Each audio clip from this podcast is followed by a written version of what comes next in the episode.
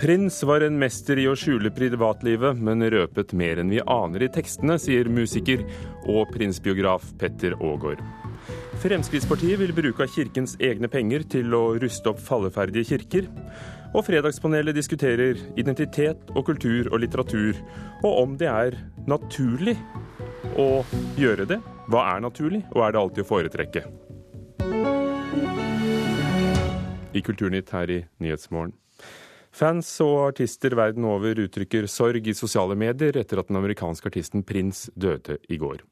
Madonna skriver at prins forandret verden, og USAs president Barack Obama at få har rørt så mange med sitt talent. Prins ble 57 år gammel, dødsårsaken er fortsatt ukjent, men han skal obduseres i dag.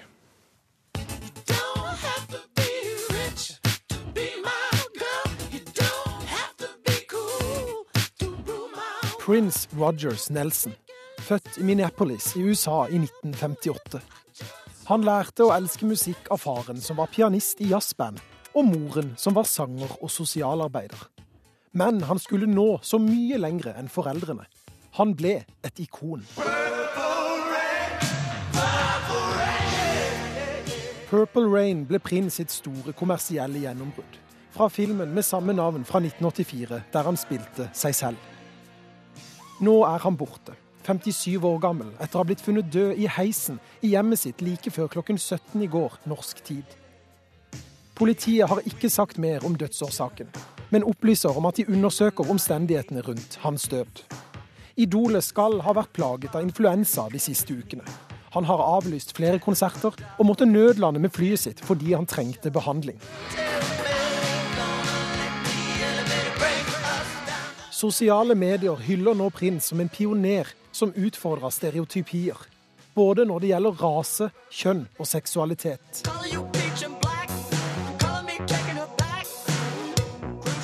Han forandret verden. Jeg er knust, skriver Madonna i en uttalelse. Mick Jagger kaller ham en av de mest unike artistene de seneste 30 årene. President Obama skriver på Twitter at verden har mistet et kreativt ikon, og at få har rørt så mange med talentet sitt. På Facebook skriver skuespiller Will Smith at han snakket med prins kvelden før han døde. Han nevner ikke hva de snakket om. Prince skapte lyden til en hel generasjon. Superstjerna skal etter planen obduseres i dag. Da får vi kanskje flere svar på alle spørsmålene.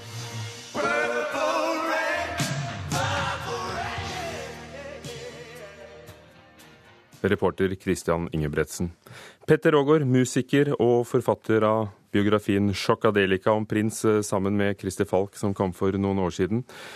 Vi vet og kjenner mye om musikken til prins. Hvor mye vet vi om prins som eh, menneske? Vel, man kan trygt si at um, av de aller største artistene der ute, så er vel Prince den som har klart å skjule eh, privatlivet best. Og det som er litt fascinerende med det, er at han har likevel snakka om alt i sangtekstene sine, men han liker å være veldig kryptisk, og da blir det ofte slik at uh, man ikke skjønner det før eh, 10-20 år etterpå hva han egentlig snakker om. For eksempel nå, nå som han ikke er lenger blant oss, nå vil veldig mange analysere disse tekstene uh, fra de siste årene, og det kommer nok til å komme og dukke opp mye både fantastiske og triste overraskelser. Jan Fredrik Karlsen, for tiden musikkansvarlig for eh, Melodi Grand Prix og Norges deltakelse der. Hva betydde Prins for deg? Ja, har, altså jeg er veldig veldig glad i musikk, eh, og fan og fascinert av hva musikk gjør med meg og omgivelsene rundt meg. Eh, Prince har vært min aller største artist gjennom store deler av mitt liv. Fordi at det er et eller annet med hans både enorme talent og musikalitet som musiker, som låtskriver, som en, eh, en eh, dyrker av hva musikk er. Og så gjør han det både i en sånn derre tilgjengelig for absolutt alle ved å skrive de største hitsene som alle kan kjenne seg igjen i og være en del av.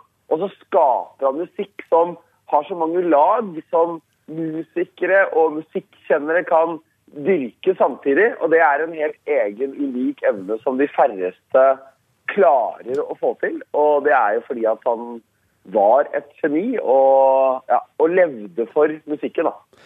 Petter Aagaard, du er jo ikke bare biograf, men også sanger i bandet Glamslam, som eh, nettopp spiller Prince-musikk. Hva er kvaliteten i låtene hans som gjør at han som låtskriver blir sunget av alle andre artister? Tenk bare på Sinead O'Connor og hiten hennes 'Nothing Compares to You'.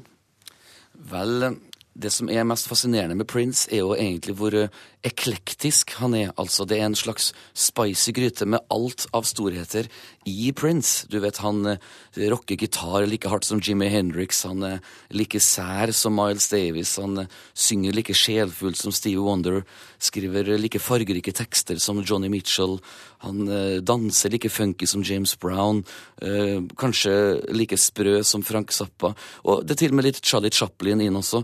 Så det, det er vel det som er det mest spennende med Prince, at han er et resultat av alt det som var bra fra 60- og 70-tallet, før han sjøl slo igjennom i 1978. Hva var det ved livet hans som gjorde at han klarte å ta alt det opp i seg? Vel, han kom jo fra et veldig umøblert hjem. Han ble både forlatt av sin mor og far, faktisk, eh, i en veldig ung alder, så han har klart seg på en måte sjøl fra tolvårsalderen. Og det har jo selvsagt gjort han til en kontrollfreak, men det har også gjort han til at musikk har på en måte vært eh, medisin og terapi. Slik at eh, hans aller første låt, som han ga ut i 1978, heter For You. Og da starta han med en, titel, med, med, en tekst som synger 'My life with you I share'. Så han har på en måte brukt publikum som eh, medisin. Og så har han som sagt bergtatt oss eh, helt fantastisk med sine ubeskrivelige flotte liveforestillinger. Som jeg jo heldigvis fått oppleve 33 ganger. 33 ganger? Hva med deg, Karlsen? Nei, Jeg har sett Prince eh, elleve ganger på konsert, eh, så jeg er jo ikke i nærheten av Petter.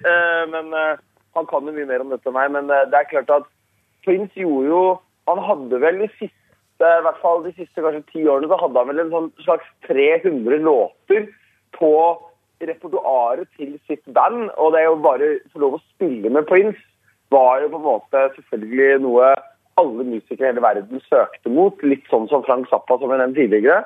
Og så lagde han aldri den samme konserten. Det var aldri den samme settlista. Og det var heller aldri vel egentlig de samme versjonene av låtene på konsertene. Fordi de hadde endinger og vendinger som, sånn som James Brown hadde i sin tid. Så, øh, og jeg fikk jo Altså, jeg må jo si at den sterke opplevelsen av å stå i Oslo Spektrum, der var jo Petter også, i 2011, 29. juli, rett etter 22. juli, så starta han hele konserten med originalversjonen. Spiller han originalversjonen, hele versjonen av Purple Rain, som en homasj til Norge. Hele spekteret var lilla. Altså, den opplevelsen, uh, ja, den uh, kan alle skjønne var helt enorm. Husker du det, Ågård? Ja, jeg er veldig glad for at Jan Fredrik nevnte akkurat det, for det var jo en, rett og slett en spirituell opplevelse. Og ikke minst, jeg opplevde også i det som man kaller for Prince Mecca, som er da Montreux, for han dukker opp ofte på Montreux jazzfestival. Og da fløy liksom Prince-fans inn fra verdens, hele verdens kriker og kroker for å samles. Så at f.eks. jeg og Jan Fredrik ble først kjent med hverandre gjennom vår felles lidenskap for Prince. Men du, eh, hva har det gjort med forholdet til publikum og ditt, Petter Aagaard, eh, til musikken at han var så privat? At det ikke var så mye eh, menneske å se, privatmenneske å se, men at musikken sto rent frem? Ja, det er et veldig bra spørsmål. For det er jo ingen tvil om at uh, Prince har vært ganske unik i den forstand til å holde seg unna tabloidpressen. Spesielt uh, siden Purple Rain-epoken i 1984 så har han på en måte holdt seg ganske beskytta i Minneapolis. Altså han bor i staten Minnesota, hvor du vet hvor det er 90 uh, skandinavere. Og huset så, ser ut som en bunker? Ja, det er riktignok litt misforståelser der jeg med deg. Det er der hans studio er. Han bor selvsagt i en flott villa bare noen kilometer unna, men likevel. Han tilbringte jo all sin tid i studio, og han har jo spilt inn over 2000 låter som han ennå ikke har gitt ut. Så egentlig så altså, It's the tip of the iceberg som vi har hørt så langt, for han har gitt ut ca. 1000 låter offisielt. Så at vi har, eh, for å si det rett ut, en meget spennende tid post Prince Alive også. At, men, men, men, du har også da fulgt ham i sosiale medier den siste tiden. Ja. Har du kunnet merke, merke noen forandringer? Fordi det har jo vært det at flyet hans måtte nødlande her for noen uker siden fordi, fordi han var dårlig. Og, ja. uh, hva har han selv sagt om seg selv? Ja, altså, det, det, er litt trist å tenke på, fordi at senest i går morges så snakka jeg på telefonen med Christer Falk, hvor jeg sa at uh, nå er det noe ugler i mosen her. For han, jeg begynte å forstå hvordan han bruker bibelske scriptures, altså på bruk, uh, for, for, å hinte til hvordan han har det. Og de siste to månedene så har det vært litt for mye refleksjon. Prince er en artist som liker alltid å tenke framover, og veldig lite begeistra for å reflektere tilbake til Purple Rain-epoken og slike ting, fordi at han har så mye nytt han vil alltid skape. Men som sagt, de siste to månedene så har han snakka om å skrive en biografi, og når han har konserter, sine pianokonserter, så har han reflektert mye om sin far. Så at, eh, og så har han jo sett bitte litt mer skrøpelig. Du ser det, for at det er ingen plastiske operasjoner med Prince, men det er mye sminke. Så at uh, han, han, prøver å skjule så godt han kan. Men som sagt, uh, i går morges når jeg var på vei til en konsert, så satt jeg og nynna på en låt som heter Dolphin. Og det handler om reinkarnasjon. Han synger I will I come back again as a dolphin. Og det var tydeligvis rundt den tiden Prince faktisk døde på ordentlig. At, uh, men Controversy er den låta som virkelig sitter igjen for meg. For da snakker han om Am I black or white? Am I straight or gay? I tida framover så vil du få vite sannheten. Takk, Petter Aagaard, musiker og prinsbiograf, og takk, Jan Fredrik Karlsen. Dette er Prins Controversy.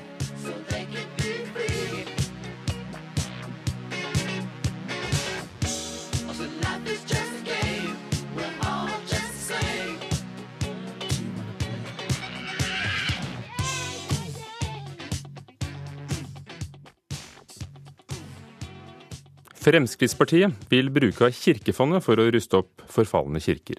Saken skal opp på partiets landsmøte i helgen. Mye tyder på at forslaget vil bli vedtatt, men det får verken støtte av regjeringspartiet Høyre eller regjeringsstøttepartier. Stavanger domkirke er en av kirkene som merker forfallet. Altså, Dette er jo vår kulturarv. Det er jo dette her vi må ta vare på for framtida. Leif Arne Moy Nilsen er Frp-politiker i Stavanger. Domkirka er hans hjertebarn. Det er sjela vår. Det er det opphavet til byen vår. Men den forfaller. Nå må kirkas eget fond bidra med penger til kirkevedlikehold, krever et forslag som ligger på landsmøtebordet til Fremskrittspartiet i helga. Vi syns det er for lettvint. Eh, det grenser til eh, populisme. Svarer Venstres Kjetil Kjenseth, og heller ikke Høyre og KrF jubler for forslaget. Men Senterpartiet er med på det politiske presset mot Opplysningsvesenets fond. De gjorde et lignende vedtak på sitt landsmøte i fjor. OVF kommer til å selge ganske mange av sine prestegårder, og du skulle tro at det òg gir en pen avkastning, som går an kanskje å bruke til eh, å være med i hvert fall i et spleiselag, da. Sa stortingsrepresentant for Senterpartiet Anne Tingelstad Wøien til Kulturnytt i fjor høst. Stillas rigges i Stavanger, for kommunen har gitt 80 millioner kroner til oppussing av domkirka. Behovet er over 300 millioner. Kirkene er kommunenes ansvar, men forfallet er beregna til rundt 11 milliarder kroner. Hvert femte tak lekker, og hver fjerde kirke har dårlige yttervegger. Men Opplysningsvesenets fond sitter på 7 milliarder kroner i dag, så om det kunne generert noe til denne vedlikeholdet, så hadde det vært kjempebra. Sier FrPs kulturpolitiker på Stortinget, Ib Thomsen. Det er feil. Etter at vi trekker fra de forpliktelsene som faktisk er lagt på fondet, så er verdiene ca. 2,7 milliarder kroner. Men uh, i henhold til loven så har vi ikke lov til å få bruke de verdiene som ligger i fondet. Vi kan kun bruke avkastningen av dette. Svarer fondets direktør Ole Wilhelm Meyer. Fondet er bygget opp av kirkas eiendommer, bl.a. presteboliger, skog og en mengde festetomter. Nå skal 300 av boligene selges, men langt ifra alle. Så vi har òg en vedlikeholdsutfordring, parerer Meyer. Det vi snakker om er at, eh, er at vi har en, eh, en, løpende inntjening som i dag er eh, akkurat stor nok til at vi klarer å, å fylle fondets oppgaver til en viss grad, men hvor vi fortsatt har et betydelig vedlikeholdsetterslep. Stavanger i den situasjonen vi er i dag, med stor arbeidsledighet og økende, så må altså staten ta sin del. Ja, det er det mer gehør for hos regjeringskamerata. Flere av middelalderkirkene våre må regnes som nasjonalskatter, sier KrFs kirkepolitiker Anders Tyvand. Og han får følge av Høyres Norunn Benestad, som påpeker at et samla storting har bedt regjeringa komme med ei tiltakspakke for de freda og spesielt verneverdige kirkene våre. Det er der vi må starte, sier Venstres Kjetil Kjenseth. Rett og slett ha en sak i Stortinget der vi går gjennom eh, hvilke av de her som er uh, kulturminner, og hvilke, hvilke, kirker og kirkebygg som har mer tradisjonelt vedlikeholdsbehov. Det du ser her, det er 900 år gammelt. Men det er jo klart at tar vi ikke ansvar nå, så får vi kjeft om 100-200 år. Mye av det andre som du ser rundt her, det kommer til å forsvinne før det har gått 100 år. Domkirka består, og da må vi ta vare på den. Det sa Frp-politiker i Stavanger Leif Arne Moi Nilsen, som altså håper at kirken vil stå ny og ferdig oppusset til 900-årsjubileet i 2025. Reporter Torunn Myhre. Klokken er allerede snart ti på halv ni. Du hører på Nyhetsmorgen i NRK. Overskriften i dag bare syv kommuner vil delta i Fremskrittspartiets prestisjeforsøk med statlig eldreomsorg.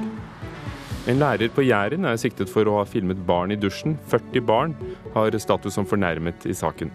Og bare én av fire unge sier de tror på Gud. Likevel velger de fleste 15-åringer å konfirmere seg i kirken. Og her i Kulturnytt i Nyhetsmorgen er Fredagspanelet samlet. Katrine Aspaas, forfatter, velkommen. Takk. Carl Fredrik Tangen, samfunnsgeograf og førstelektor ved Høgskolen Campus Christiania. Krist Høgskolen Christiania. Takk. Arve Juritzen, forlegger, god morgen. God morgen. God morgen. Det er folks følelse av kulturell identitet som i stor grad står i veien for at kommuner vil eh, slå seg sammen. Det hørte vi om i Kulturnytt denne uken. I april og mai skal det holdes folkeavstemninger i rundt halvparten av norske kommuner om sammenslåing.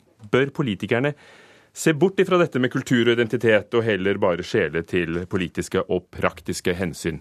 Nei. Ja. Nei.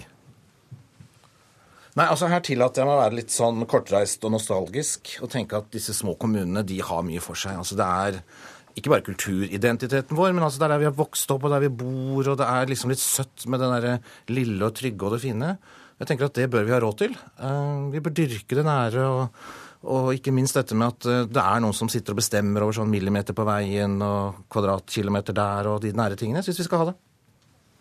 Geografi handler vel ikke bare om, om veier og, og, naturlige grenser? Handler det ikke om følelser? Jeg syns det er mange grunner til å være skeptisk til kommunesammenslåinger. Jeg syns kanskje folk burde være imot. Men men sjølve de der fellesskapa som kommuner utgjør, det er jo forestilte fellesskap. Det skal, hvis det er 200 eller 500, eller sånn, så kan de kjenne hverandre. Men så må det jo skapes. Ved hjelp av lokalaviser og møteplasser. Og, men det kan de gjøre. Altså, folk føler seg som Oslo-folk også, når det er en halv million over det mennesker som uh, bor her. Så jeg og disse tingene har ikke, har ikke, alltid vært. De har blitt skapt. Så jeg er ikke noe bekymra for at du ødelegger et fellesskap og ikke kan lage et nytt.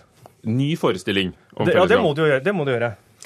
Jeg tenker altså Kulturell identitet det er noe som ligger så dypt i oss. Det er ikke bare små kommuner, det ligger dypt i alle mennesker. Og Du kan godt tvinge folk til å slå seg sammen og tvinge folk til å, til å gjøre noe av praktiske hensyn, men eh, det er følelsene som driver oss. Fornuften den sitter ikke i baksetet engang, den er som basta sammen og lagt i bagasjerommet når det kommer til sånne saker som dette her. Sånn at den, det, det, det beste er jo å ta utgangspunkt i hva er det som er hva er fellesnevneren for de kommunene som skal slås sammen? Det er å ta den kulturelle identiteten på alvor og se liksom OK, hva er vi, er det vi har egentlig felles? Sånn, hvis du skal liksom begynne med biologi, så er vi jo Alle mennesker har 99,9% felles genmateriale. Vi er jo klin like. Men uh, den kulturelle identiteten veldig, ligger veldig dypt, altså.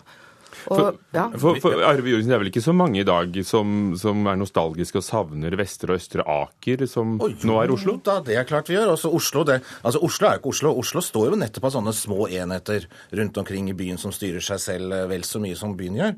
Og så tenker jeg at Vi har jo prøvd dette før, å slå sammen kommunene. Dette fylker er jo helt uinteressant. Altså, Hvem bryr seg om fylkene og hva er det de driver med der? Det er bare bortkasta penger. Så dette har vi gjort før. Så her, som sier, kortreist, nostalgisk. La oss tenke liksom den lille, nære miljøet for en gangs skyld, og ikke bare være så praktiske. Det er ikke ofte jeg ser det, altså. Men framveksten av nasjoner er jo også sånn framdyrking av kulturelle øh, fellesskap. Det er jo verdens kommuner. Masse, ja, masse forferdelige ting ved det, men det, altså, det har jo funka. Fra, det ikke, folk, EU, mener du, Fra at folk ikke, nei, fra at folk ikke Nei, nasjon, altså Norge øh, og sånn.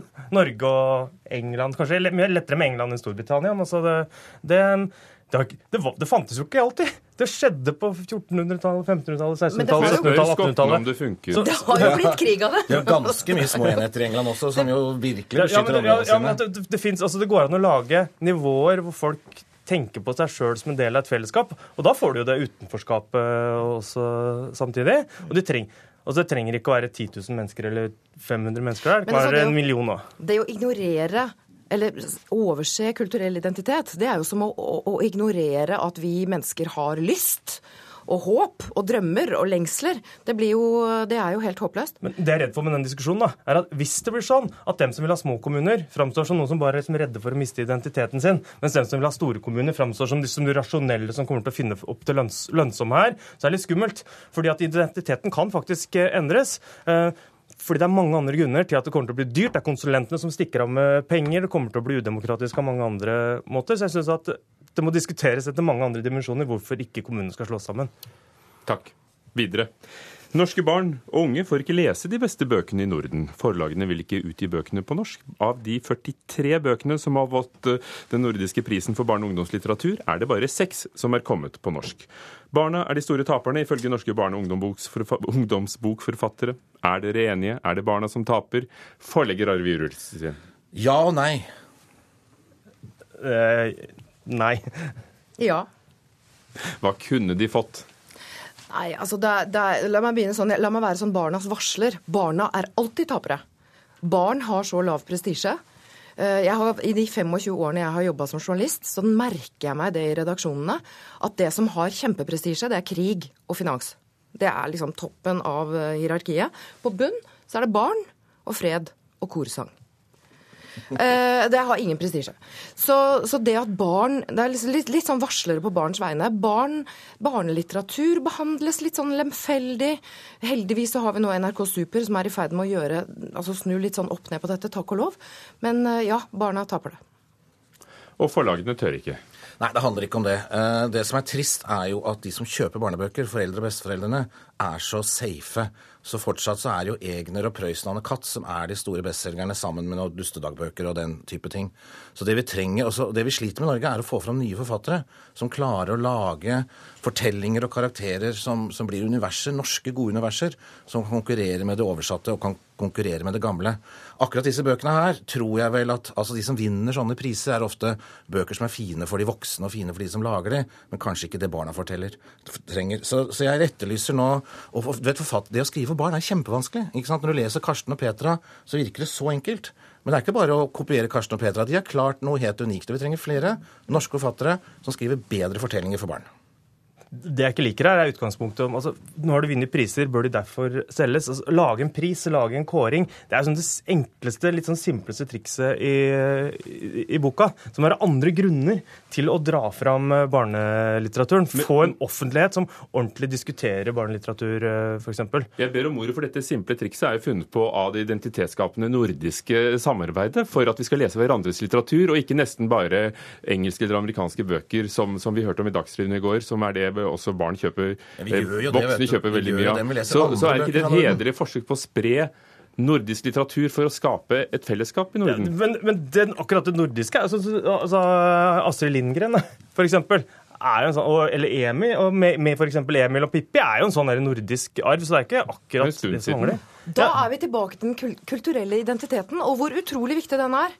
Heia kulturell identitet, altså. Er kulturell identitet en naturlig ting, f.eks.? Jeg sier det sånn fordi neste spørsmål handler om ordet naturlig. Vi hadde en debatt her i studio tidligere i uken mellom en, en kjerneenergifysiker og energifysiker eh, og en, eh, en, en lege. For fysikeren hun skrev at hun er lei, og særlig bloggere som mener at alt naturlig er sunt fordi det kommer fra naturen. Har det gått inflasjon i bruken av ordet naturlig? Ja. Et robust ja med et stort potensial.